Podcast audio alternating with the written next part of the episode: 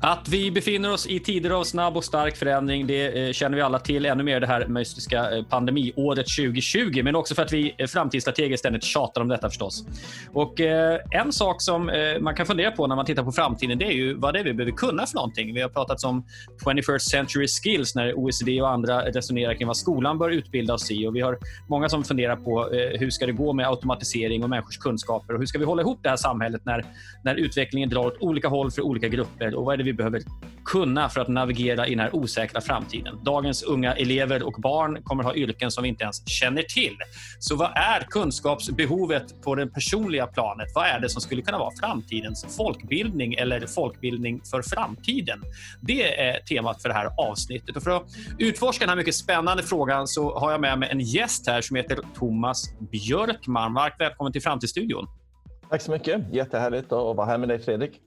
Eh, Thomas, du har ju en väldigt eh, eh, varierad bakgrund kan man säga. Du har läst teoretisk fysik, du har startat bank, du har bedrivit eh, olika typer av eh, företag. Du har bott i Sverige, och Schweiz och, och, och, London. Och Nu driver du bland annat en stiftelse som heter Ekskäret som grundades 2008. Vad är det Ekskäret gör för någonting? Ja, Ekskäret tar sin utgångspunkt i eh, mina erfarenheter från mina många år som entreprenör och eh, affärsman. Och, Eh, Eh, efter att jag sålde min bankverksamhet för lite drygt tio år sedan så ville jag starta en stiftelse som kunde ta sitt fokus i att titta på kopplingen mellan just personlig inre utveckling och eh, samhällsförändring. Eh, och det här gör jag och vi både väldigt praktiskt ute på vår ö Ekskäret som ligger utanför Finnhamn där vi ordnar allt ifrån sommarläger för ungdomar till retreats för vuxna till konferenser just kring vår förmåga att kunna ha den här livslånga inre utvecklingen som jag tror blir viktigare och viktigare när världen blir allt mer kaotisk. Mm. Du skriver på din, eh, din eh, personliga hemsida att eh, de många åren inom näringslivet fick dig också att förändra synen på saker och ting. Du har ju varit framgångsrik förstår man, för du är filantrop idag. Det brukar liksom behövas om man ska bli filantrop, att man är framgångsrik. Men, men hur förändrades synen från var du startade och vart du är idag? Vad, vad har du lärt dig på vägen? Jag kom ju som du nämnde där från ett väldigt eh, naturvetenskapligt perspektiv. Eh, jag upptäckte tidigt i skolan att jag hade en talang för matematik och fysik. Så jag studerade matematik och fysik i Uppsala och skulle bli fysiker. Mm. Eh, men av olika anledningar så Eh, kände jag att lika mycket som jag brann för att försöka förstå världen och på den tiden då mest från ett naturvetenskapligt perspektiv, lika mycket brann jag för att faktiskt försöka vara med och skapa världen och förändra världen. Och då kändes det naturligt att göra det som eh, affärsman eh, och, och entreprenör. Och det är klart att när jag kom ut i affärsvärlden så upptäckte jag ganska snart såklart att de här, det här naturvetenskapliga perspektivet att se på världen, det är jättestarkt och, och eh, hjälper oss väldigt mycket och har hjälpt oss med att skapa all den här framgången vi har haft i västvärlden de senaste 200 åren i form av modern medicin, sjukvård och ja, allt det inte, vi inte skulle vilja vara utan. Så det är ett otroligt starkt sätt att se världen ifrån teknik och naturvetenskapsperspektivet. Men ute i näringslivet blev det ganska klart för mig, och till och med inom ekonomin och inom banking, att de naturvetenskapliga perspektiven som dominerar till exempel inom ekonomin med de neoklassiska ekonomiska modellerna om hur marknaden fungerar till exempel. Att de hade inte riktigt lika starkt förklaringsvärde som om man ser på marknaden och eh, ekonomin mera ifrån ett sociologiskt perspektiv. Eller kanske mm. till och med från ett psykologiskt perspektiv. Och Sen blev det ganska klart för mig när jag drev större företag att eh, Eh, det här med den personliga inre utvecklingen blev en viktig framgångsfaktor när det gällde att rekrytera ledande befattningshavare i olika organisationer. Och jag jobbade väldigt mycket tillsammans med olika ledarskapsutvecklingskonsulter också och fick möjlighet att både själv vara med på och eh, se vilken effekt sådana här ledarskapsprogram eh, hade på både mig själv och på min ledningsgrupp. Och började väl lite grann tänka då i de här termerna att om vi i näringslivet börjar inse betydelsen av den här livslånga personliga utvecklingen och mognaden och hur viktig den är för ledare i företag. Hur kommer det sig att vi inte alls pratar om den här livslånga mognadsresan eh, i samhället i stort? Och varför finns det inte ett fokus på den i till exempel utbildningsväsendet, på universiteten och när vi pratar livslångt lärande så handlar det oftast väldigt mycket om att bara lära oss nya fakta och färdigheter. Men inte om den här inre utvecklingsdimensionen som vi upptäckte i näringslivet var så viktig. Och då kanske för 20 år sedan så pratade vi väldigt mycket om att det här var viktigt för eh, ledare inom företag. För det, det var ju mest där som komplexiteten och snabbrörligheten och de strategiska besluten samlades förr i tiden. Men nu går ju samhällsutvecklingen och marknadsutvecklingen så snabbt att fler och fler företag upptäcker att den här komplexiteten inte bara behöver hanteras av någon ledningsgrupp utan att det här är frågor som de flesta, för att inte säga alla medarbetare i företag måste ha en inre kapacitet att kunna greppa. Och då blir den här personliga utvecklingen eller den här inre mognaden viktig att hjälpa alla i företagen med. Och det är ett uppvaknande som håller på att ske just nu. Och vi i stiftelsen Ekskäret har anordnat ett par konferenser nu senast för ett par veckor sedan här tillsammans med Handelshögskolan och Center för social, social sustainability på KI där vi just tillsammans med företrädare för näringslivet eh, har utforskat just betydelsen av den här livslånga mognaden för alla i, i företagen idag. Mm. Och då blir jag förstås väldigt nyfiken. Du har ju träffat eh, tänker jag, många företagsledare. Skulle du, känna att de känner, skulle du säga att de kännetecknas av en högre personlig mognad än, än genomsnittet? Är, är det en framgångsfaktor för att komma dit eller finns det de som har kommit dit utan någon vidare eh, fördjupad mognad? Absolut. Absolut. Så att, så att det är både det är, det är både och. De är som folk är mest helt enkelt? Ja, de är som folk är mest. Men du har ju...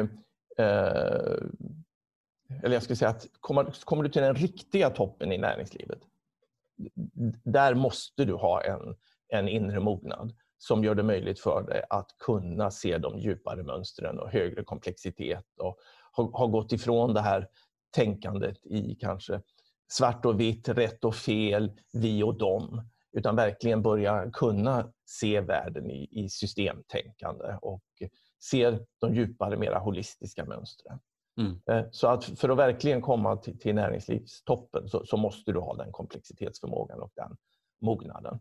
Mm. Däremot så innebär ju inte det nödvändigtvis att du har en, en rundad personlighet och att du har en sån här mognad i alla de här olika utvecklingsdimensionerna som vi kanske kommer in på lite senare i, i i podden utan du kan ju se ledare som är väldigt välutvecklade, kanske då kognitivt, men inte lika välutvecklade emotionellt eller relationellt.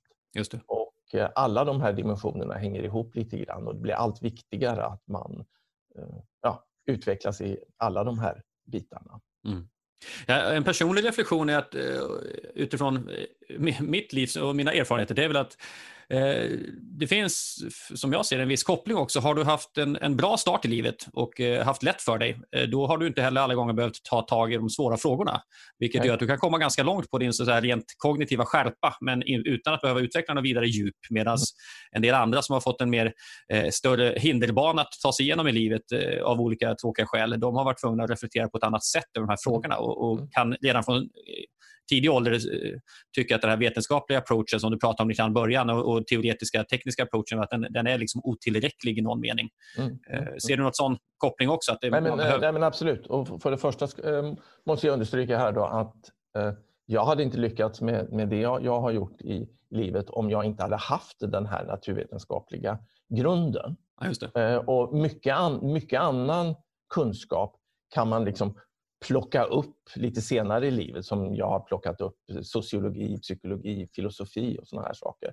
Men ska du ha en ordentlig naturvetenskaplig grund och verkligen lära dig till exempel matematik och fysik, det är inget som du kan göra vid sidan om senare i livet utan det, det krävs att du fokuserar ett par års universitetsstudier till mm. det. Så jag skulle fortfarande rekommendera unga personer idag att ägna universitetsåren åt att läsa de svåra, hårda vetenskaperna. Men var medvetna om att det är ett jättestarkt perspektiv som de kommer att ha nytta av hela livet. Men det är bara ett perspektiv och att det måste kompletteras med fler sätt att se på sig själv, på samhället och, och på, på, på världen. Så det är den första kommentaren. Den andra kommentaren är väl där om då de här motgångarna.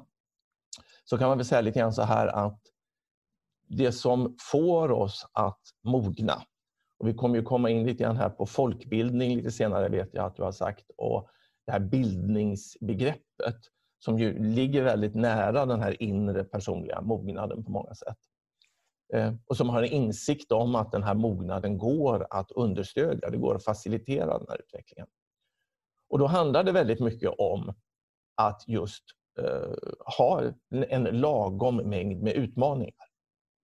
Och jag, och jag säger där en lagom mängd därför att om du har det för svårt i livet, antingen i starten på livet eller senare i livet, ehm, då, då blir det väldigt lätt att, att du, du liksom tvingas smalna av dina perspektiv och fokusera på, om inte överlevnad, så i alla fall fokusera på kanske att tjäna pengar för att betala hyran om du har ekonomiska svårigheter. Eller bara att fokusera på att parera besvärliga relationer i, i din omgivning, om, om det är det relationella som, som, som, som tynger dig.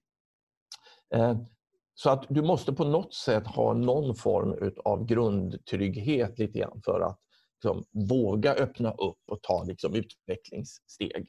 Ha råd att göra det också? Ja, ha råd att göra det ja. lite grann. Emotionellt eller ja. ekonomiskt ja, eller på, på, många olika sätt. Liksom. Ha, ha, ha råd i, i bred bemärkelse. Men om du bara eh, har den här säkerheten, då händer det ingenting. Nej.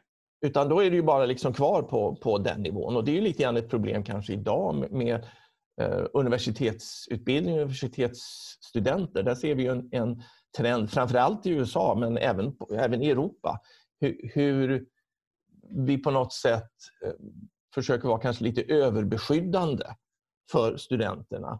Att verkligen undvika alla former av utmaningar och att utmaningar i sättet att se på sig själva eller på andra eller på samhället eller världen.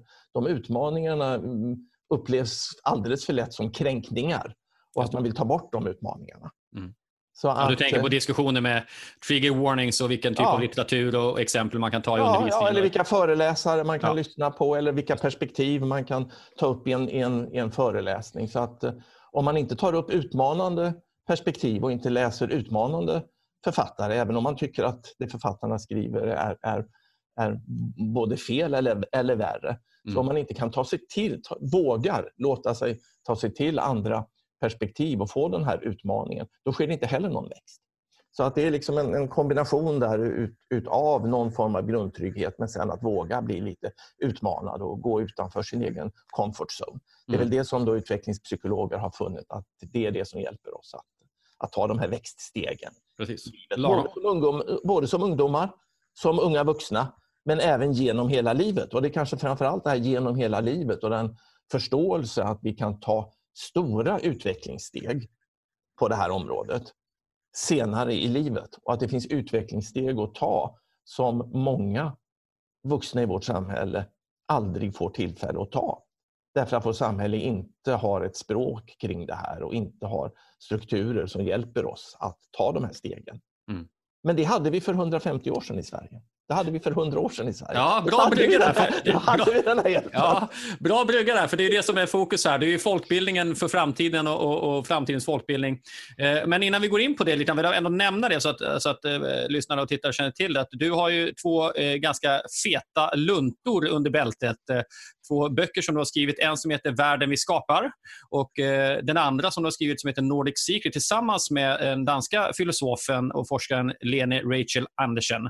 Eh, vill du säga något kort om de här två? Om du bara guidar en, en, en liten bak, baksidetext eh, mm. till de här böckerna. Ja, ja. Vad, vad, handlar de om? Ja, och, och då kanske jag ska nämna också min, min, min första lite tunnare bok som jag skrev när, eh, när jag lämnade eh, finansbranschen som heter The Market Myth eh, som handlar just om marknaden mera som sociologiskt fenomen än som ett naturfenomen marknaden är en mänsklig konstruktion och även den fria marknaden i den mån vi överhuvudtaget har någon sån är en mänsklig konstruktion och skulle hur, kunna vara annorlunda. Hur togs den emot av dina branschkollegor vid den tiden? Och när var det här ja, ungefär? Ja, det, det, här, det här var sju år sedan, sex, sju år sedan tror jag. Ja. Nej, I alla fall när jag skrev och började cirkulera det här eh, manuset. Nej, men eh, absolut. Jag, jag, tycker att den togs eh, väl eh, emot, även om det inte var så många som kanske förstod eh, värdet utav den. Därför att det, det jag utvecklar där har kanske mera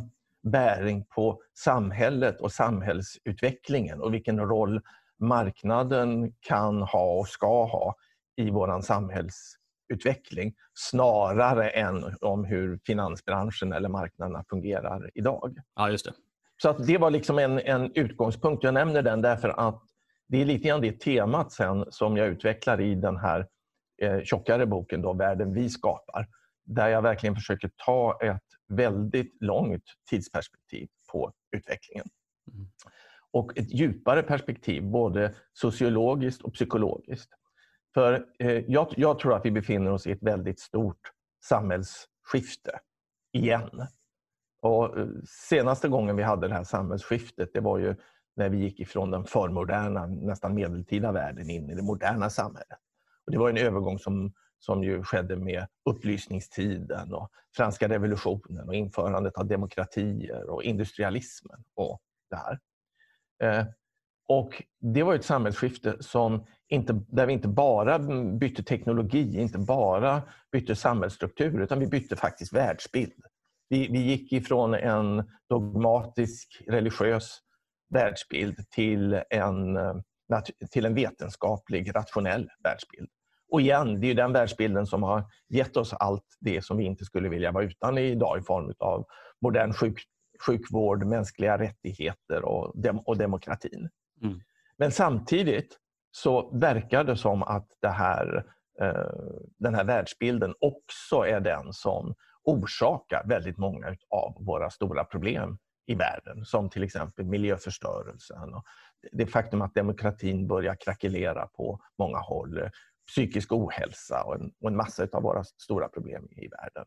Mm. har nog med att göra att den här världsbilden har lite grann uttömt sin potential och att vi igen står i ett skifte där vi måste ändra både världsbild men också det sättet som vi själva relaterar till varandra, till oss själva, till samhället och till världen. Mm. Och för att förstå det här skiftet, och jag bara mm, ja, tillbaka till, till boken. Då, så att för att förstå de här skiftena, då måste vi ta till andra sätt att förstå världen än när vi liksom bara ett samhälle tuffar på som det har gjort i västvärlden de kanske senaste 50 eller 70 åren ändå, med små förändringar. Det har hänt mycket förändringar i värderingar och i, i, i många frågor i samhället, men de har inte varit så djupa att de har gått ner liksom på världsbildsnivå. Så för att förstå det så måste man blicka bakåt i världen. Så att jag gör ett, verkligen tittar på deep history, big history och ser de här skiftena, hur de har skett ett antal gånger i mänsklighetens historia. Men tittar också sen på deep sociology, som är, som en sociologi som går djupare än att bara liksom titta på ytan i samhället, utan går ner och tittar på det här som en del eh, sociologer kallar för vår collective imaginary. Som är liksom de grundföreställningar, omedvetna grundföreställningar som vi håller om världen. Våra rotmetaforer och sådana här mm. saker. Okay, som, till exempel, som att vi är individer. till exempel. Mm. Just det. Vi är, vi, är, vi, är enstak, vi är självständiga individer som kan maximera vår egen nytta och, och glädje.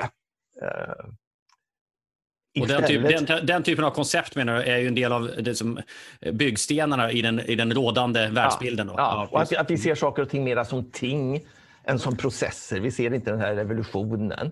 Mm. Vårt medvetande ser vi som någonting som är mer eller mindre fixt.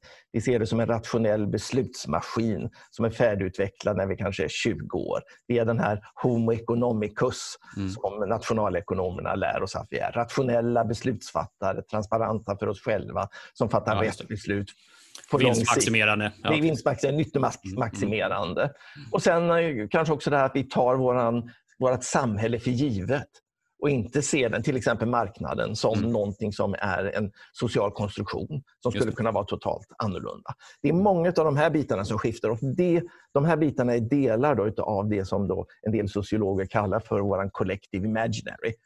där har du djup sociologin. Och Sen går boken också in och tittar lite grann på djuppsykologi. För att när vi är i ett sånt här skifte så kommer även våra personligheter att förändra sig. Och Det är lite grann att tänka sig, liksom, om, om du som modern människa skulle träffa en medeltida människa så är det inte bara det att ni skulle ha olika uppfattningar om världen där ute. Utan du skulle märka att de medeltida människorna har ett helt annat inre själv än vad du har. Mm. Den moderna människan skapades med moderniteten. Mm, mm. Och där tror jag också, och många med mig, att vi i det här skiftet kommer också att, att få se hur vi inifrån omskapas. Mm. Så att den människa vi har om 50 eller 100 år i, i världen, kanske till och med redan 20 år, måste ha drag av eh, ny, nya, måste ha nya djuppsykologiska drag. Så det här är lite grann av det som, som jag då pratar om här i världen vi skapar. Eh, och den kom, den kom ut då för, för tre år sedan.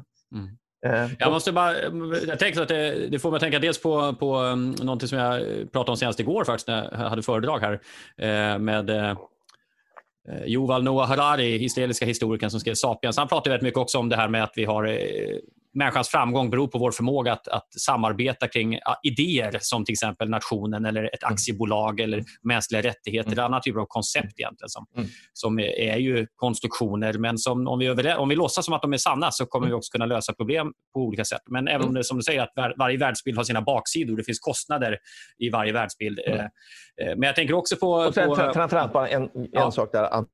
När och det är väldigt relevant för vår diskussion här nu med framtiden och så här, att när teknologin ändrar sig, ändras, ja. mm. då måste de här eh, överenskommelserna som du pratar om, Hararis överenskommelser, också ändra sig. Och, och den här överenskommelsen som vi till exempel hade om nationalstaten, mm. Den behövdes inte på medeltiden. Det hade kanske inte ens funkat på medeltiden. Nej. Men efter att vi fick tryckpressar och järnvägar och den teknologiska, då var det en väldigt bra överenskommelse att ha. För den var effektiv, den hjälpte oss att organisera samhällena. Men nu liksom med, med, internet och världen kryper ännu mer och så här, då är det inte bara att de här gamla överenskommelserna har baksidor, vilket de alltid har. Alla överenskommelser av den här typen av överenskommelser, ja, varje collective imaginary har baksidor. Men de kan också då så att säga bli omoderna. Ja. På grund de löser inte problemen längre. Nej, precis. Nej, de löser inte problemen längre. Nej, och går vi ännu längre tillbaka, jag tänker på eh, liksom, buddhistiska synsättet. Det handlar ju om att avslöja de här koncepten som vi tar för givna. Det är alltså ja. förmågan att se verkligheten som den är. Så att, mm. Eh, jag tänker det du pratar om är väl en, en ny våg, eller en ständ, mänsklighetens ständiga eh, resa mot att se verkligheten lite mer sant. Där, ja. där den vetenskapliga revolutionen var absolut ett sånt steg som har gett oss enorma frukter.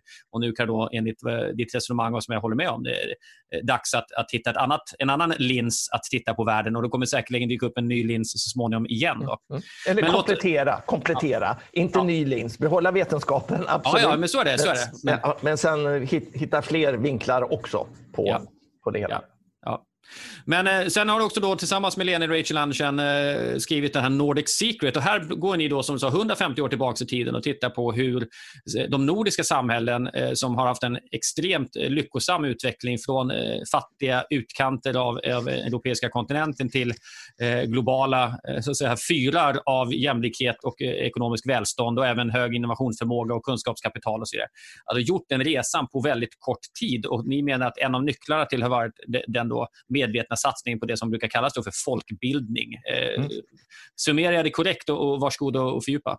Ja, nej men ab absolut. Eh, helt, helt riktigt. Och först vill jag bara nämna här då att min vän och kollega Lena Rachel Anderson är, är verkligen huvudförfattare till den här boken. Hon har dragit ett jättelass i att skriva den här boken. Mm. Eh, men utgångspunkten i eh, vår, vår research där var ju just det här att Eh, förra gången samhället var i en sån här stor transition, det var just när vi gick ifrån det förmoderna samhället in i det moderna samhället.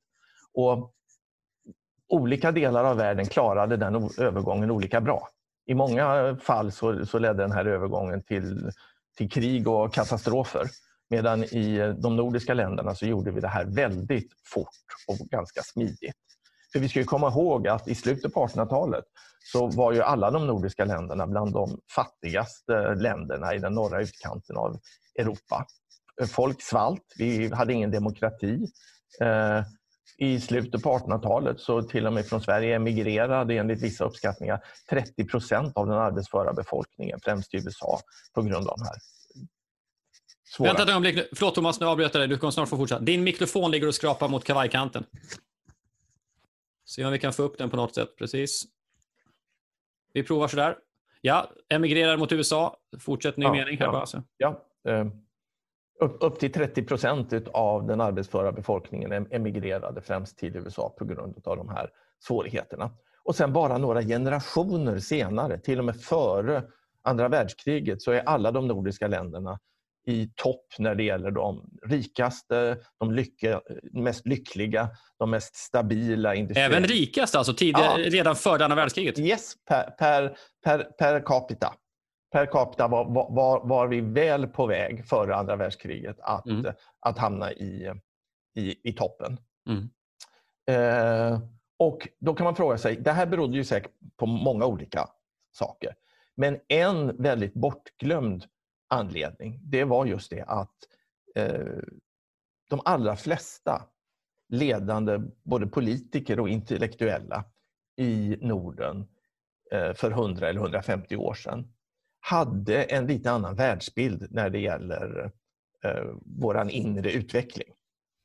Eh, på den tiden var ju tyska vårt eh, akademiska språk och första språket, första främmande språket vi läste. Så Eh, alla de här intellektuella och även politikerna läste de tyska 1800-talsfilosoferna i original. Och det är filosofer som Schiller, Goethe, Herder, von Humboldt, Hegel. Eh, och de här filosoferna de reagerade just emot eh, upplysningsfilosofernas bild av vårt medvetande som den här rationella maskinen vi pratade om. Lockes blank slate eller Descartes, vårt medvetande som en, vår hjärna som en maskin. Utan de sa att nej, men så är det inte. Utan vårt medvetande är ett väldigt komplext organiskt system mm. som är under utveckling, inte bara under vår barndom och ungdom, utan som är utve under utveckling under hela vårt liv. Mm. Och att den här utvecklingen, framför allt, är väldigt betydelsefull också för samhällsutvecklingen. Okay. Det här och den här också, individuella ja. utvecklingen, ja. den går att understödja. och De kallade den processen för det tyska namnet då, Bildung som betyder eh, någonting som organiskt formas, bildas på svenska. Ja. Det, är, det är någonting som bildas. Vårt medvetande bildas genom hela livet. Mm. Mm. Och Det här är ju eh, filosofer som också då rör sig i eh, romantikens tidsanda, apropå tänker jag, eh, den krassa eh, upplysningens mekanistiska synpunkt och sen kommer då här mer känslosamma bejakandet av, av känsloliv och, och emotioner på ett annat sätt. Är det, är det så man kan uppfatta det? Ja, ja hela vårt inre liv skulle man kunna säga. Mm. Utan eh, upplysningstiden och den vetenskapliga revolutionen tog ju det här stora steget genom att verkligen kunna avskilja den yttre världen från den inre världen och inse att stenen inte hade någon vilja att falla. Det fanns inget telos hos stenen. Det fanns inget inre, utan det var yttre krafter bara som verkade här ute. Och Det gjorde att vetenskapen, naturvetenskapen tog ett jättesteg framåt. Men det skedde då på bekostnad av den här inre subjektiviteten. Våra, vårt känsloliv, vårt medvetande. Och de här filosoferna, som kallas för tyska idealister då, eller, eller de tyska romantikerna, eh, de fokuserade just på vårt inre liv och började med Kant som började förstå där att eh, vi upplever inte världen som den är utan vi skapar världen med vårt medvetande. Den här skapande processen är en process som också kan vara under utveckling under hela livet. Och idag kanske utvecklingspsykologer skulle prata i termer av att vårat, hur vi uppfattar världen förändras med vår mognad. Och det som är meningsfullt och vårt meningsskapande utvecklas. Mm. Som är viktigt och betydelsefullt och meningsskapande för dig när du är 20 behöver inte vara meningsskapande på samma sätt när du är 35. Och Det som är betydelsefullt och meningsskapande i världen när du är 35 behöver inte vara det som du upplever när du är 55. Nej. Och att det finns någon form av utvecklingsresa här som redan då till exempel Schiller och Goethe identifierade. Och, och de sa det och skrev och det här var det som våra politiker på den tiden var väldigt medvetna om. De skrev det och det är väldigt relevant även för idag.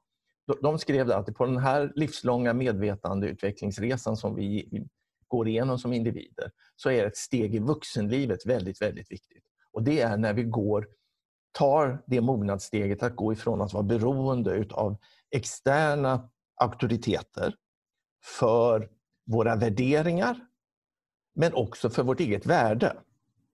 Så att vi behöver förankra ut, utanför oss själva det som våra värderingar men också vårt värde. Vi behöver få en bekräftelse som kommer utifrån. Mm.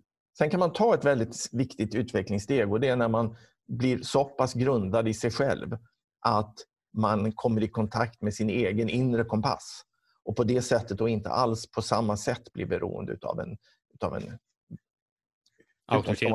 auktoritet. Ja, och de här eh, då, politikerna och filosoferna de såg ju att vi, vi stod inför en stor samhällsomvandling. De visste ju att både industrialismen och urbaniseringen och allt det här var, var på väg, för det hade man sett i England och i Tyskland. Och då visste man med de här teorierna att då är det så, så naturligt för oss människor i en sån här turbulent och osäker situation att vilja söka oss en extern auktoritet att hålla i handen. Just det. En, auktoritär, en dogmatisk religion eller en, en auktoritär politisk ledare. Mm. Men de här politikerna, framförallt i Sverige, de, och jag kan ju nämna namn då i Sverige som Hjalmar Branting, mm. Karl Staaf, Ellen Key var väldigt betydelsefulla personer mm. i, i det här. Och de är egentligen några decennier efter filosoferna du pratar om va? Ja, precis. Ja. Utan de här filosoferna skrev ju då i början på 1800-talet. Ja. Eh, och de här då, Hjalmar Branting, Karl Staaf och Ellen Key, de verkar ju under den senare halvan av mm. 1800-talet och de första decennierna på 1900-talet. Mm. Eh, så de såg ju eh, det då, att eh, det är så naturligt för oss att vilja ha en sån här extern auktoritet att hålla, hålla fast i. Men de här ville inte vara auktoritära politiska ledare. Utan de var committade till att bygga demokratier. Mm. Och De visste då att det enda sättet att bygga stabila demokratier det är att bygga dem nerifrån och upp. Och Du behöver då ha många människor i landet som har tagit det här viktiga mognadssteget. Att gå från att vara styrd utifrån till att hitta din egen inre kompass och bli med det språket som kanske då samtida, nutida utvecklingspsykologer använder. Till exempel professor Keegan vid Harvard-universitetet. Han pratar om att vi går ifrån att vara i en socialized mind till att bli self-authoring. Att vi blir på ett mycket djupare sätt författare till våra egna liv. Mm. Och Det är ju det som behövs i, en, i sån här turbulens. Att vi har många människor som kan inte bara vara författare till sina egna liv utan också kan vara aktiva och medvetna skapare av det nya samhället som håller på och växer fram och som kanske inte går att planera och styra i detalj för det är så turbulent och kanske till och med emergent. Mm. Att du behöver ha många oberoende agenter, aktörer ute mm. där som hjälper till och bidrar i den här mm. processen. Nu, nu bara tusen idéer här. Jag måste ja, få eh, slänga ut associationer. Det, um, um, vad ska jag börja någonstans? Nej, men dels tänker jag på, på Nietzsche som jag har förstått när han pratar om övermänniskan som sen eh, nazisterna plockar upp som begrepp. Men, men eh, som jag har förstått när jag tittar närmare på det, det är ju, hans beskrivning där är ju en individ som lämnar så att säga eh, fårflocken och hittar sin riktning, hittar den här kompassen som mm. eh, inte är någon övermänniska i betydelse att den är, har någon styrka eller kompetens eller mer värd eller någonting, utan bara att det är en människa som så säga, lever eh, self-authored, kan man kanske ja. beskriva det som. Det, det är så ja. jag förstått det. Och här måste jag rekommendera för någon som vill se och som har tillgång till Netflix, gå gärna in och kolla på de här eh, två korta dokumentärserier. Den ena heter just Den moderna tidens genier, där man tittar mm. på Freud, Nietzsche och vem den tredje kommer jag inte ihåg, men det är jo, Marx, Karl Marx. Mm. Klart mm. intressant. Eh, mm. engelsk produktion. Eh, mm. moderna tidens genier, Netflix. Det var det ena jag tänkte på. Ja. Får jag bara kommentera kort ja. på den? Ja. Det, det, Jättebra att du, att du tar upp till exempel Nietzsche, för det visar att de här tankarna låg ju överallt liksom, i, i idévärlden på den tiden, det här med den här utvecklingsresan. Men det som är väsentligt där för Nietzsche det är att han pekar precis som idag utvecklingspsykologerna gör eh, och som till exempel också Kierkegaard i Danmark gjorde och Kierkegaard var till viss del influerad utav, utav Nietzsche. Nietzsche pekar på tre steg. Det första steget det är människan generellt i världen idag, menar han. Mm. Om vi jämför det med den här socialized mind jag pratar om, där vi mm. tar auktoriteten utifrån. Den, kan, den jämför han med kamelen.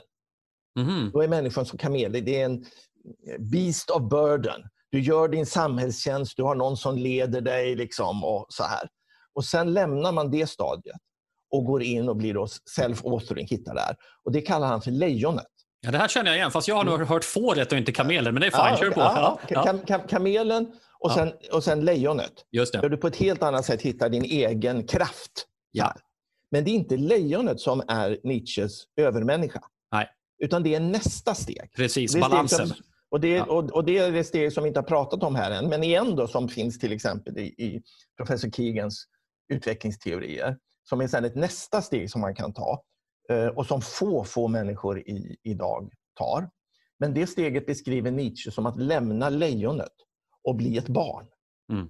Så övermänniskan är barnet, inte lejonet. Och vad, vad är... ut, utlämnad till världen, förstår sin utsatthet men också ser världen med helt färska ögon. Som är opåverkade av samhället och, och, samtiden. Och Som jag förstod den modellen också var just att lejonet tenderar till att vara en rekyl lite grann. Att man blir för offensiv och aggressiv ja. när man uttrycker sig själv som self-authored. Mm. Eh, att man, eh, pennan mm. svänger fullt åt andra hållet ja, och sen ja. hittar man det här balansen i mitten mm. på något sätt. Som, Ja, men, Intressant. Men, precis. men får jag bara då ta, ta nästa steg där och säga så här då att okay, man hade då den här insikten att man ville hjälpa många människor att komma vidare i sin inre utveckling för att hitta sin inre kompass och kunna bli medskapare. Så det intressanta är ju hur man gjorde det. Utan ja. Vad man gjorde där det var att man skapade, vilket jag lite grann skämsamt idag, men det inte, ligger inte så fel i att säga att man skapade en massa retreat center för personlig utveckling i mm. Skandinavien. Mm. Och Det är det här som vi sen då, som kommer kallas för folkhögskolor. Mm. Och Det var ju center som ofta låg ute på landet, nära naturen, var mm. förhållandevis små. Eh, och Man skapade massor av de här. Så runt förra sekelskiftet, 1900, så fanns det 100 sådana här centrum i Danmark. Just, och Det är därifrån det kommer, va? eller hur? Det är Grundtvig? Mm. Ja, Grundtvig, Danmark. Det var där det startade. Precis. Eh, tyska idéer, Mm. Men, men som eh, sattes i praktiken, när de ställde sig frågan i Danmark, ja, men hur kan vi göra det här då praktiskt för många människor? Och utvecklade ett program kring, eh, kring det. Så 100 i Danmark, 75 i Norge och 150 i Sverige runt 1900. Där då unga vuxna eh, lite senare med fullt statligt stöd kunde tillbringa upp till sex månader i retreat med det uttryckliga målet att påbörja sin inre mognadsresa för den nytta det skulle ha, både för dig som individ men också för dig i organisationer. För det var ju väldigt mycket eh, våra rörelser-Sverige som drev det här. Så det var ju som nykterhetsrörelsen, det var arbetarrörelsen, frikyrkorörelsen men även idrottsrörelser och så vidare. Mm. Så att du, det här var nyttigt för dig. Det var nyttigt för de organisationer du skulle verka i. Men inte minst så var det här nödvändigt för samhället för att mm. kunna ta det här nästa samhällssteget. Mm. Och när det här var som störst, det här programmet, som kanske då för nästan exakt 100 år sedan, då deltog 10 procent av varje ung generation Oj. i Skandinavien i ett sånt här sex månaders program på Oj, den här utvecklingsresan. Ja. Kan säga att idag finns det, Ja, det är fantastiskt. Idag finns, det, idag finns det 155 folkhögskolor i Sverige. Jag kollade upp det medan vi pratade. Eh, vi har ju förmånen att få jobba med deras organisation ibland. Men du, jag måste backa bak, för du sa förut så här att, eh, att eh, samhället går igenom utvecklingsfaser. Du, och du pratade om världsbild och hur vi lämnade medeltida världsbilden och upplysningen kom och sen kom då lite motrörelse i romantik och så vidare. Men rationalismen tog, fick en annat grepp om samhället ja. och sen hade vi industrialism. Men det den perioden, det är ju en 500-årig period kan man säga. Mm. Eh, men det är inte det du, som hände för 150 år sedan. Vad är det som, eh, alltså industrialiseringen är 150 år sedan, men vad var det som fick det att accelerera igång just mm. då? Vet du det? Alltså, vad... ja, nej, men du, kan ju säga, du kan ju säga så här att ja, i ett europeiskt perspektiv så är det här en, en, en kanske 500-årig eller 400-årig eller åtminstone 300-årig övergång vi pratar om. Men i de olika länderna så gick ju det här snabbare. Och den här övergången med samhällsomvandlingen, industrialisering, den gick lite grann som en våg genom Europa. Det var därför man i Skandinavien, dit den kom ganska sent, kunde se vad som skulle hända. Så lite grann förenklat kan man ju säga att det här då började, om vi pratar både filosofiskt men också samhällsmässigt, med, med England. Med filosoferna men även med industrialiseringen. Mm. Och sen sprider det här sig ner till kontinenten och inte minst Tyskland tar fart. Och sen kommer det här i slutet av 1800-talet, vilket är 100 år efter England. Minst ja. 100 år efter England. Ja. Men när det väl kommer hit så går det ganska snabbt. Vi går ganska snabbt härifrån det, det svenska fattiga bondesamhället mm. in i det här rika industrisamhället. Och den övergången där, den kanske då bara tog två generationer. Det kanske är 50 år mm. vi, vi pratar om, eller, eller ännu kortare. Och under den här perioden måste tilläggas att här växer ju liberalismen fram också som har en mm. idé om den starka okränkbara individen ja. som har rättigheter i samhället och, och som har en slags helighet. Nu har vi, för vi har under den här perioden också lämnat naturligtvis kyrkans världsbild och kyrkan som i någon mening folkbildare, alltså har förädlingsambition också kring människor, att man ska mm. bli sitt bättre jag, man ska ha förebilder i Jesus och, och mm. Eh, det har varit helgon och allt vad det funnits tidigare för att mm. dra åt rätt håll. Men sen kommer liberalismen och säger att individen är det okränkbara eh, och lite grann universums mitt om man ska hårdra det ja. i någon mening. Men, men eh, okej, okay, för att vi, vi, det här är oerhört spännande och vi gör ju inte tre timmars poddar här. Eh, eh, men, så att vi måste komma vidare. Men jag vill ändå eh, associera, jag var inne på Nietzsche, jag kommer inte så mycket längre med mina associationer. Men, ja. men self-authoring, jag tycker det är intressant här nu. Vi, vi har ju sett ett fenomen då som, som inte varit så mycket snack om de senaste månaderna egentligen. Men, men den gode Jordan B. Peterson som många uppmärksammat och han och hans forskarkollegor i Kanada har just tagit fram ett program som heter self-authoring. Där man på nätet kan gå in och skriva om sitt förflutna, om, om nu och sin framtid. Och, och de har ju sett effekter på att människor som gör det, studenter som gör det, eh, lämnar i mycket mindre grad sin utbildning utan hittar en mening och riktning. Och Det är väl det någonting också vi pratar om här, att, att eh, folkbildningen stärker individen. Eh, för att en sak är kompetenserna vi behöver för det nya samhället. Vad ska vi kunna för att kunna så att säga, skapa värde och, och vara, vara delaktiga i samhällsbyggandet som du är inne på också. En annan aspekt handlar om att känna trygghet för att mm. ha tryggheten på insidan och inte på utsidan. Mm. Inte ha tryggheten i flocken. eller Det som mm. det svenska välfärdssamhället har ju så att i någon mening befriat oss från att vara beroende från våra familjer på samma sätt som mer traditionella kulturer. Där, där tryggheten är att, att, vara lojal med familjen för då kommer man också få ta del av dess resurser. Nu kommer resurserna från ett annat håll. Mm. Det kan man ha olika åsikter om, men, men så har det varit också. Men sen finns det något spår som handlar om eh, tänk under industrialiseringen. Vi måste eh, få folk att må bra i den här transformationen för att transformationen ska accepteras. Mm. Alltså det skapas legitimitet för förändringen, för det är inga, eller få som känner att vi går under. För så har det ju varit delvis under industrialiseringen. Det har enorma li, personliga lidanden för de som trängdes in i de första trånga städerna eh, när, när urbaniseringen drog fart. Och, och i den med, eh, samma sak här gissar jag nu, att vi rustar folk för att orka med förändringen och vi behöver rusta folk för att ha rätt kompetenser naturligtvis också. Ja, och bara förbereda liksom, inför det här. Och ja. Det här är inte minst en, ett stort skifte som kommer här med, te med teknologin. Jag vet att ni på Kairos Future har, har tittat på och följer det här, men det är ju då eh, vad AI och automatiseringen av administrativa jobb kan göra. Mm. Och jag tror ju att vi kanske till och med är i en sån situation här, att, den lyckliga situationen att vi inte längre alla i mänskligheten behöver jobba 40 timmar i veckan 40 år av våra liv för att kunna försörja oss. Mm. Och, men, ser, ser, och det här borde ju vara good news för mänskligheten, att vi inte behöver slita så pass mycket längre. Men om vi ser det här med våra gamla glasögon ifrån arbetsmarknadsperspektiv, så att säga, då ser man ju massarbetslöshet här. Liksom. Så vad innebär det här? Så det här är också då att systemen måste på något sätt ändra sig. Och om vi ser att vi är på väg in i en sån värld, då måste vi åtminstone i en övergångsfas, precis som du säger, ha stödsystem så att alla kan känna en trygghet i den här utvecklingen som i grunden är positiv tror jag. Men att om man är fast i de gamla världsbilderna och de gamla systemen så mm. kan det här bli väldigt uh, utmanande och skapa jättestora problem. Mm. Och då tänker jag, eh, om, om, om, varje sån här våg av eh, förändring kräver då någon, eh, omställning av det här djupare psykologiska du talar om och de, och de eh, collective imaginaries eh, och mm. kollektiva idéerna om de abstrakta sakerna vi samarbetar kring. Ja. Vad är det för någon typ av utveckling vi behöver göra som människor från det här steget där vi har varit till det vi kommer till? Vad, vad, vad ska den här folkbildningen åstadkomma om vi kallar det mm. folkbildning fortfarande? Mm, absolut, och, och där kan man väl säga då att, att jag ser ju då det vi gjorde i de skandinaviska länderna för hundra år sedan, en bit mer. Jag, jag ser det inte som en, en beskrivning av vad vi ska göra idag nödvändigtvis, utan mera som en case study som visar att det här fokus på inre personlig utveckling i stora samhällstransformationer, det är någonting som vi har testat och det har fungerat. Och vi ser fortfarande de positiva effekterna ifrån det. Även om jag måste säga att vi har ju glömt av eh,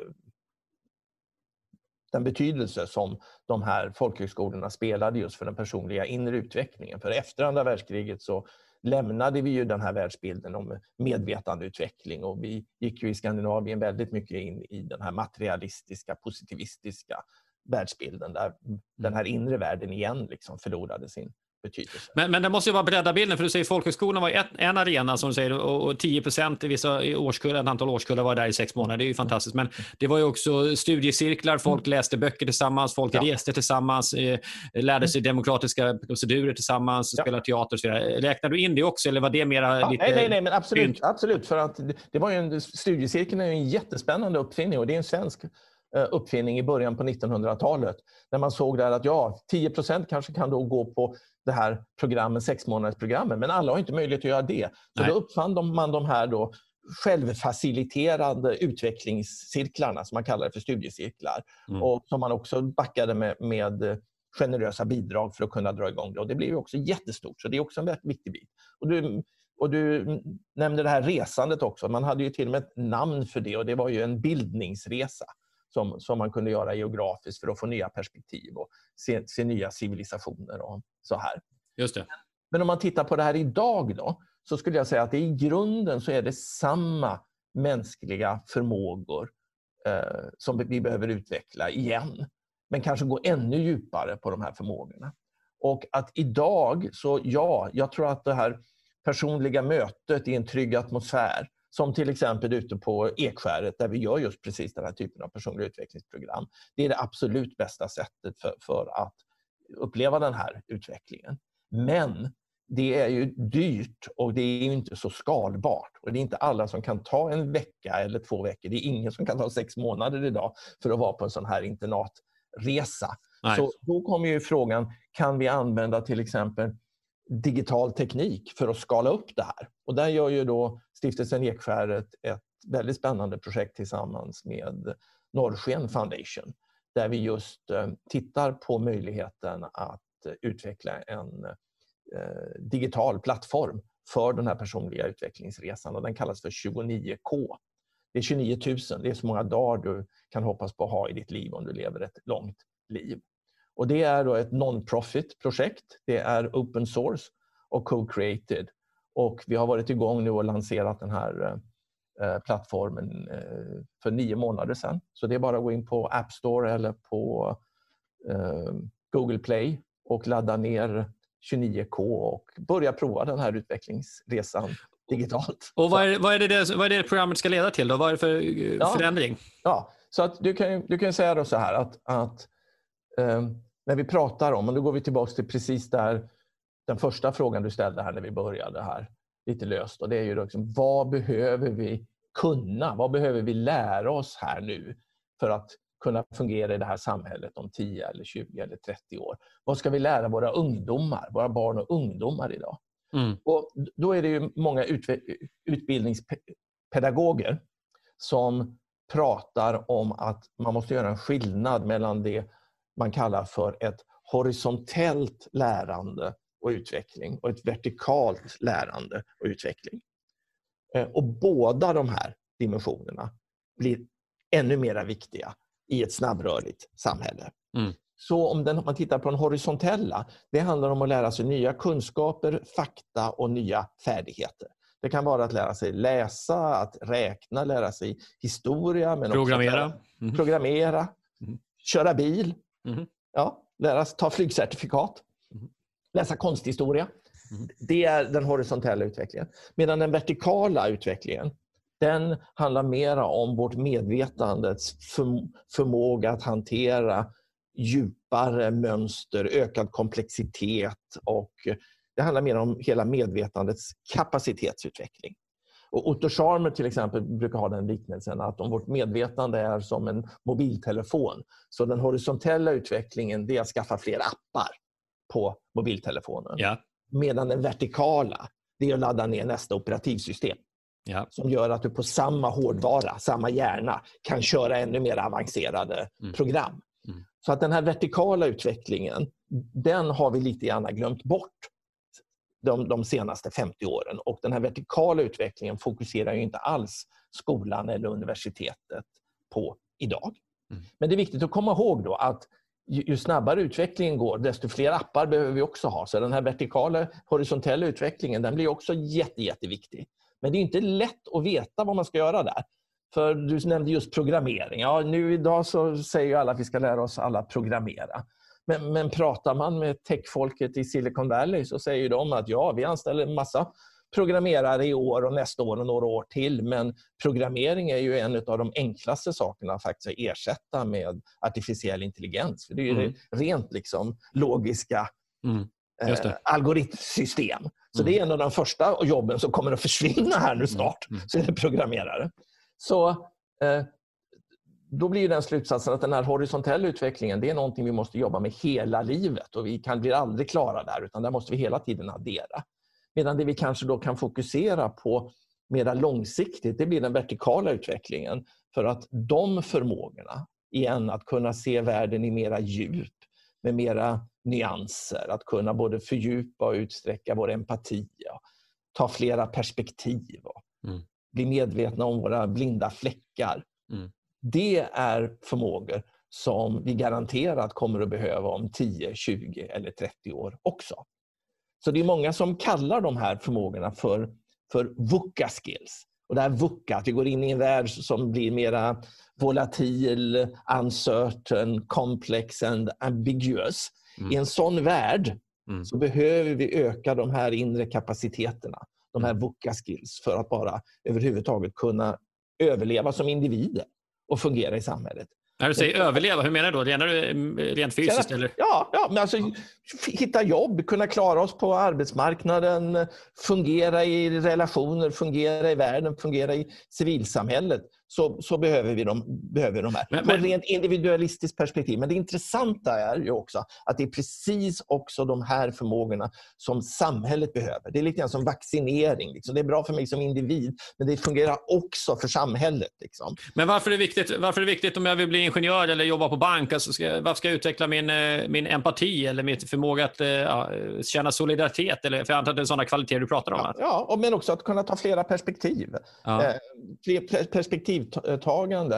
Eh, att kunna hantera eh, din grupp som du arbetar i. Ju snabbare världen går, desto mer viktigare blir samarbete. Både i de närmaste gruppen och i en större grupp. Mm. Och, och det här med att vi förr i tiden behövde många ingenjörer som bara satt hela dagen och gjorde hållfasthetsberäkningar på räknesticka. Mm. Liksom, den typen av ingenjörer kommer inte behöva i framtiden för att de jobben, det, igen då, det gör ju datorer. Mm. Men jag, jag, känner, jag, tänk, jag, tänk, jag tänker ändå att du klumpar ihop för mig två saker. Det ena är ju liksom, som säger, att kunna ta olika perspektiv. Det finns en typ av eh, eh, förmåga och tänka verktyg för att hantera komplexitet mm. eh, som fortfarande är ganska kognitiva.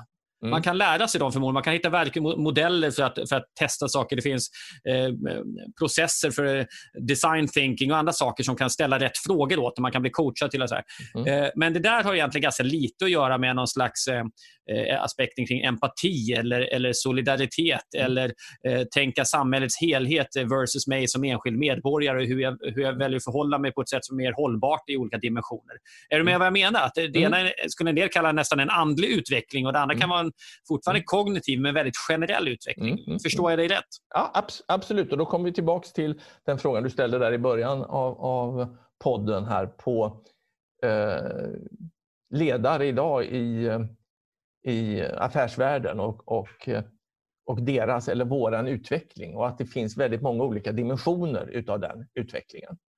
Eh, och om man tittar där på den, den senaste Eh, vetenskapliga forskningen inom det här området. Och där kan de lyssnare som är intresserade gå till Stiftelsen Ekeskärdets hemsida och ladda ner vårt white paper om just det, det, vi kallar för transformative skills som handlar om de här olika dimensionerna i den här utvecklingen. Så visar den senaste forskningen att ja, vi kan utvecklas väldigt olika i de här olika dimensionerna som du pratar om, de mera kognitiva eller de mera emotionella. Men att det också eh, finns ett samband och att de här hänger ihop eh, lite grann. Mm. Så att om du går, och man kan se det lite grann så här att om du går från den, om vi börjar i den rent kognitiva världen, om du har en förmåga att kunna se djupare mönster, har en förmåga att kunna ta fler perspektiv, då har du också oftast en ökad förmåga att kunna ta perspektiv på dig själv och kunna ta lite grann utifrån perspektiv på dig själv, på dina egna tankar, din egen världsbild, men också på dina egna känslor. Mm. Och du bör också kunna få en ökad förmåga att kunna ta perspektiv på relationer. Så ditt relaterande kan bli, kan bli djupare. Och när du börjar med det här djupare relaterande som kanske kom från en kognitiv bit, ja, då börjar du också utvecklas mer emotionellt. Mm. Och då kan den här då, din förmåga att kunna sätta dig i andra människors skor, att kunna ta en annan människas perspektiv kognitivt, det kan också leda till den emotionella utvecklingen, att du får en ökad empati för den, för den människan. Mm. Så det här hänger liksom, ja, det går i olika riktningar. Man kan vara väldigt mycket olika utvecklade i de olika riktningarna. Men det här hänger också ihop. Och jag tror att i en värld där vi inte i framtiden kommer behöva så många specialister som sitter inlåsta på sitt rum och räknar på sina projekt, utan att det mera handlar om att leda projekt, att utveckla projekt, att verka med andra människor. Då blir även de här mjukare förmågorna viktiga för, för alla i samhället. Mm. Ja, det har slagit mig ganska nyligen. Eh, jag är själv beteendevetare och läst eh, coaching vid Högskolan i Skövde och ägnat mig åt de här typerna av frågor. Så det, för mig ligger det här ämnet ganska nära. Eh, andra ämnen ligger naturligtvis mycket längre bort eh, av samma skäl. Men, men eh, det som har slagit mig är att eh, det är ju inte självklart ens för folk alla idag. Om jag pratar väldigt brett nu. Det, det, finns ju ändå en stor potential bara i det faktum att bekräfta att vi har förmågan att gå utanför oss själva och titta på vårt beteende och välja. Alltså det mm. som, det som buddhismen handlar väldigt mycket om, eller som andra skulle säga är liksom själva grunden i att vara människa jämfört med att vara djur, om jag hårdrar. Mm, absolut. Alltså, absolut. Och, och, där jag tänker, du är inne på det här, du är lite kritisk till skolan som är undermålig att utbilda i detta och träna i detta. Och även om jag kan se tendenser nu att det börjar komma upp igen, livskunskap, det var inne en sväng på 90-talet tror jag däromkring. Och nu, nu kan jag se tendenser att det börjar dyka upp igen. Eh, och jag hoppas att det handlar om det här, bland annat. Förmågan att att backa ur från, det, från impulsen, från det spontana, från det automatiska till det medvetna valet. Ja. Eh, det, det, det här, är det det här som är, kan man säga att det är en del av kärnan av det som du menar behöver mm utvecklas. Att, att få den här valfriheten. Hur vill jag nu reagera i den här situationen? Hur vill mm. jag välja mm. att förstå den här situationen? Inte hur jag spontant reagerar eller vad min fördom eller vad min rädsla gör att jag gör. Utan att jag kan stanna upp och tänka så här, men vad, vad tycker jag är bäst egentligen utifrån mina värderingar och hur jag förstår samhället. Mm. Det, det, det vi ska eftersträva? Ja, absolut, och det är definitivt en sån här VUCA-skill ja. som vi kommer behöva i, i den nya snabbrörliga världen. Men det som är det, det finns både goda och dåliga nyheter kring de här skills. Mm. Så exempelvis det här precis som du beskrev. Den goda nyheten är att vetenskapen, psykologin, utvecklingspsykologin visar att de här egenskaperna går att mäta psykologiskt. Och den visar klart också att de här egenskaperna går att utveckla. Du kan utveckla din egen självreflexivitet, du kan mm. utveckla ditt perspektivtagande. Det går till och med att utveckla din förmåga till empati. Det går mm. att utveckla. Mm. Den, den tråkiga nyheten det är att det går inte att utveckla de här förmågorna i en traditionell skol eller lärosetting. Du, du kan inte bara skicka en okay. medarbetare på en tredagars kurs i empati och sen kommer den här med, medarbetaren tillbaka med ett certifikat att nu är man empatisk. Utan det här är djupare psykologiska processer, mognadsprocesser som tar tid. Så det är inte så underligt att man hade sex månaders program då för de här processerna. Så att det går inte riktigt bara att sätta upp det här som ytterligare ett ämne på skolschemat om man inte ändrar lärandeformen och gör det här mycket mera både och nu hittar jag bara två stycken engelska ord, immersive och mm. embodied. Jag vet inte vad vi kallar det för på svenska, men att det är ett mycket, ett mycket djupare processer och mycket mm. längre processer man måste mm. vara inne i för att kunna utveckla. Det måste bli eingefleischt som vi säger på svenska. Ja, Komma in i köttet. exakt. Ja. exakt. Det, måste ner djupt i psyket och in i ja. kroppen. Ja. På cellnivå. Mm. Och då, Bra, eh, för att en av frågorna som hänger i luften här, eh, vi kan ju inte podda all evighet som sagt, även om det är superspännande, men det är ju så här, okej, okay, du har beskrivit en bild, en riktning vi behöver gå i. Det finns eh, anledning att titta på historien och inspireras av hur vi har förflyttat stora delar av en befolkning, att rusta dem inför föränderliga tider, vilket har medfört en stor personlig utveckling och kunnat gjort att de här transformationerna har varit fredligare och kanske mindre smärtsamma för andra. Men, men nu är vi inne på att, och, och, vi är inne på någon vertikal utveckling av människan, eh, empati, eh, komplexitet, eh, nyanser, lämna det trygga i det svartvita och, och kunna hantera verkligheten i, i, lite högre upplösning, får jag som en inre bild. Att man ser mycket fler nyanser på något sätt och, och kan stå trygg i den eh, ambiguous värld som dyker, upp. Då. Men det ska inte ske i skolan. Och då blir min fråga så här. Det, det kan ske i skolan. Det kan, men, det kan ske i skolan. Och, och jag skulle också säga att faktiskt så är skolan ganska bra, i alla fall i, i vissa länder, på att få upp de här sakerna. Det sker en förändring i skolan. Men mm. det viktiga här är att få det perspektivskiftet att ja, vi ska göra så mycket vi kan i skolan, men det finns viktiga utvecklingssteg som vi inte kan ta som 16-åringar eller som 18-åringar eller som 20-åringar. Utan det är steg som vi, som vi måste ha en ökad mognad och som vi kanske kan ta senare i livet. Och de stegen, där saknar vi idag varken ett språk, både ett språk kring det och även institutioner eller ramverk för att hjälpa. Ja, för det var den frågan jag ville komma till. Vad, vad, vilka är aktörerna som ska göra det här? Är det, är det filantroper i Norrsken Foundation och Stiftelsen Ekskäret? Eller vad, vilka borde kliva in och axla det här ansvaret? Ja, man tittar ju mer och mer alltså från, från samhällets sida på betydelsen av livslångt lärande. Mm. om vi bara ändrar perspektivet där lite grann och, och pratar om livslång utveckling och förstod att det här både handlar om det horisontella och det vertikala. Så det perspektivskiftet tror jag är viktigt. Men de som har vaknat upp mest på det här behovet just nu i Sverige, det är ju faktiskt eh, näringslivet. Som, som ju ser att det här är någonting som faktiskt till och med är nödvändigt för att kunna skapa snabbrörliga, självorganiserande kanske organisationer. Så måste man hjälpa alla i företaget att ha den, den inre kapaciteten att kunna verka i sådana här organisationer. För det är många som provar nu att försöka få mycket mer självstyrande organisationer och att den erfarenheten som en hel del sådana företag och organisationer har, det är att kanske hälften av medarbetarna bara jublar över det här ökade ansvaret och friheten och blomstrar upp och lever upp till det här. Medan en stor del av medarbetarna, eh, för dem medför det här en otrolig inre stress som kan leda till utbrändhet och eh, sjukskrivning.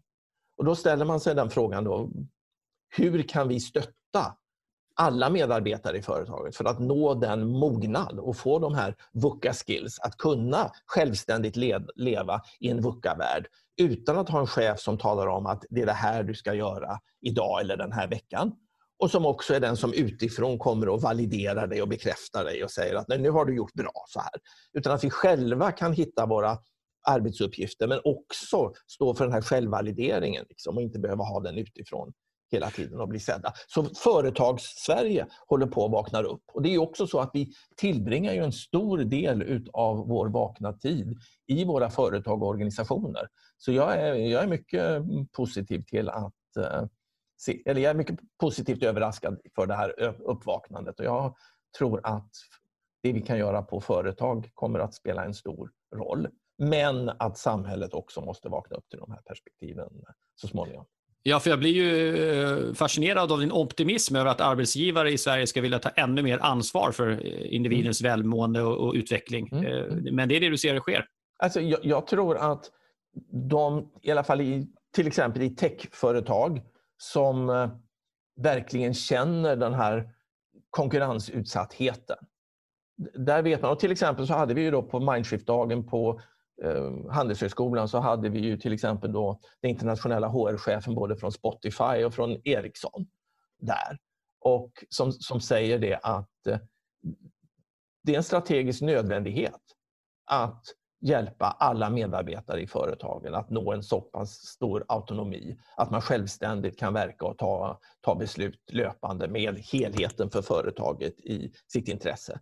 Det går inte längre att bygga ett, ett företag som till exempel Spotify utifrån den gamla hierarkiska modellen att information ska samlas i en ledningsgrupp och sen ska man göra planer och sen ska det verkställas. Utan du måste ha den här dynamiken, annars överlever man inte. Så lite krasst kan man väl säga att det, det kanske inte så mycket handlar om där företagens godhjärta, godhjärt, goda hjärta att vilja nödvändigtvis hjälpa alla i företaget att utvecklas och, och må bra. Utan det handlar faktiskt om företagets överlevnad mm. också mm. Mm. I, idag. Att man gör det.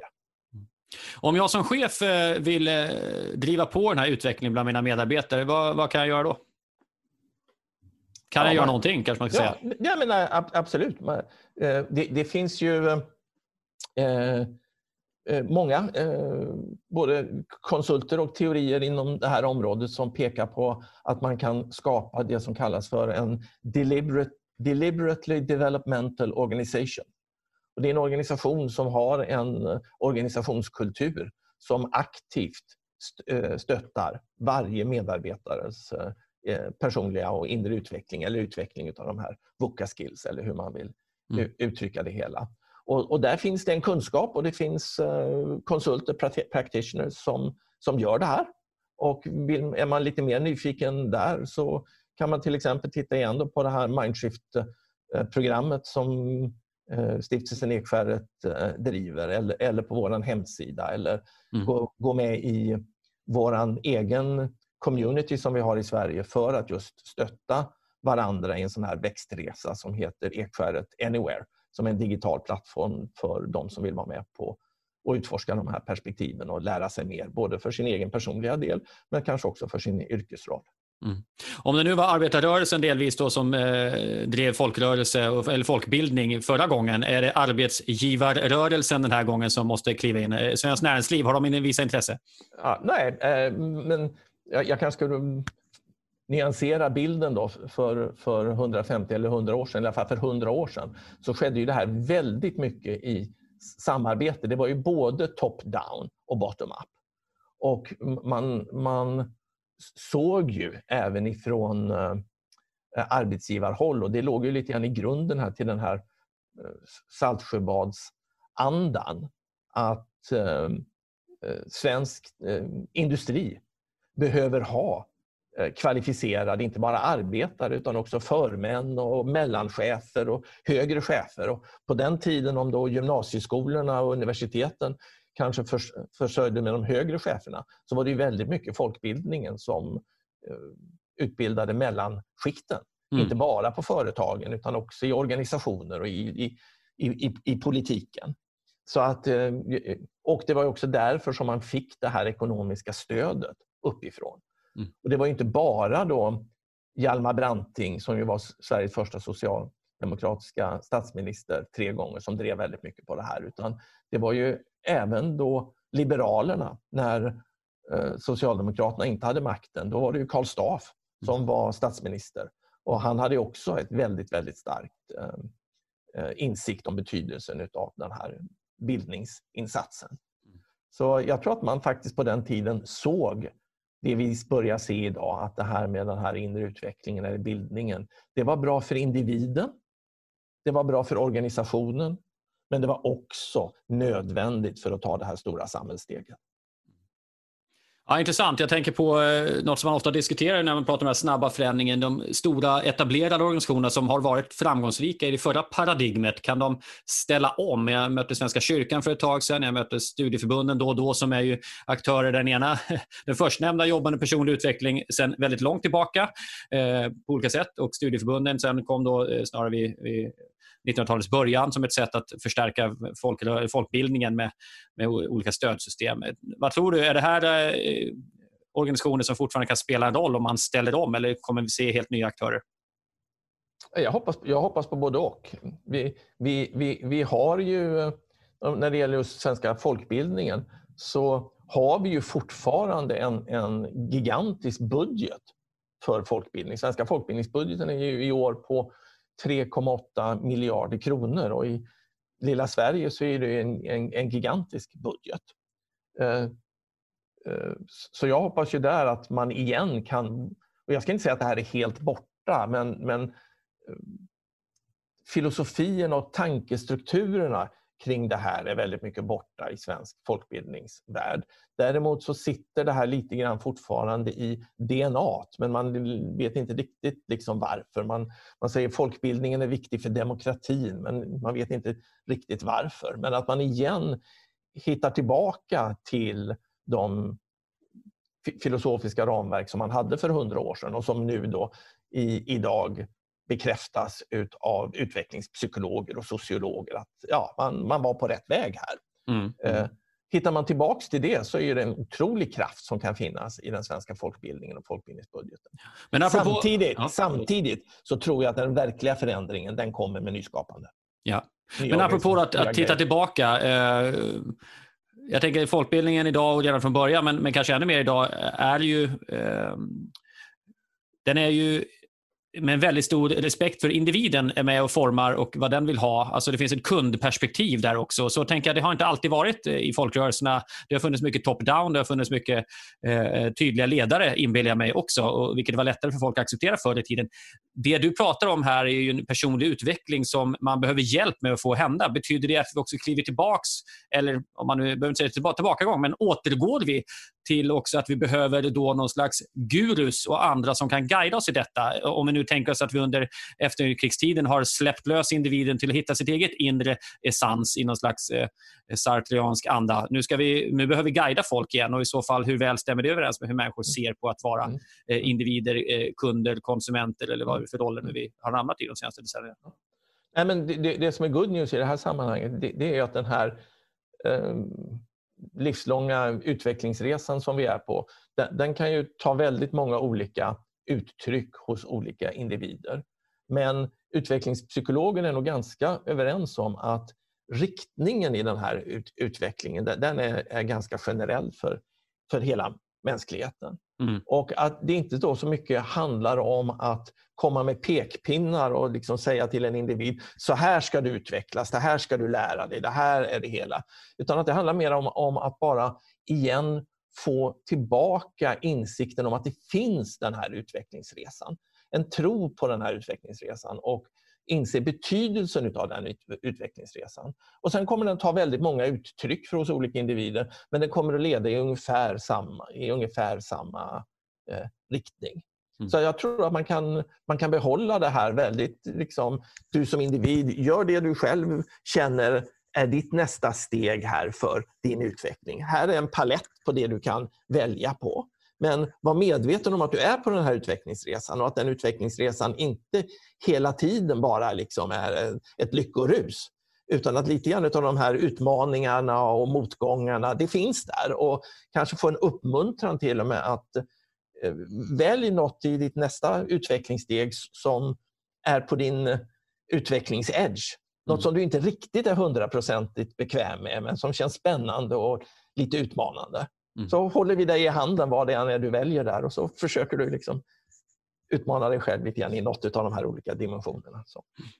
Och, eh, sista frågan då. Jag, när jag träffar organisationer och pratar organisationer och ledarskap, senast igår, eh, så har jag, Eh, delar jag min spaning om att jag tror att framtidens chefskap kräver djupare psykologiska kunskaper än vad vi har haft förut. Eh, vad tänker du om det? Eh, nej, nej, nej men absolut. Eh, absolut. Och eh, inte minst så är ju då, som vi började podden med att prata här om, eh, ekonomiutbildning och den bilden, den extremt förenklade bilden av oss människor och vår psykolog som den traditionella ekonomiska teorin arbetar utifrån, den här Homo economicus.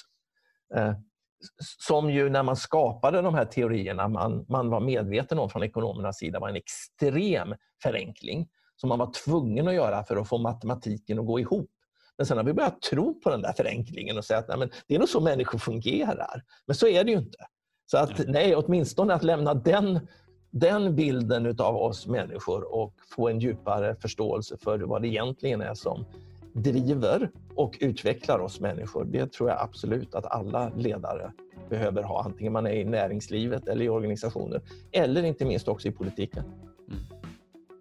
Thomas, tack för ett väldigt eh, intressant och spännande och djuplodande samtal. Eh, det har varit eh, mycket inspirerande och vi kommer höras framöver igen. Så lycka till med stiftelsen och ert viktiga arbete.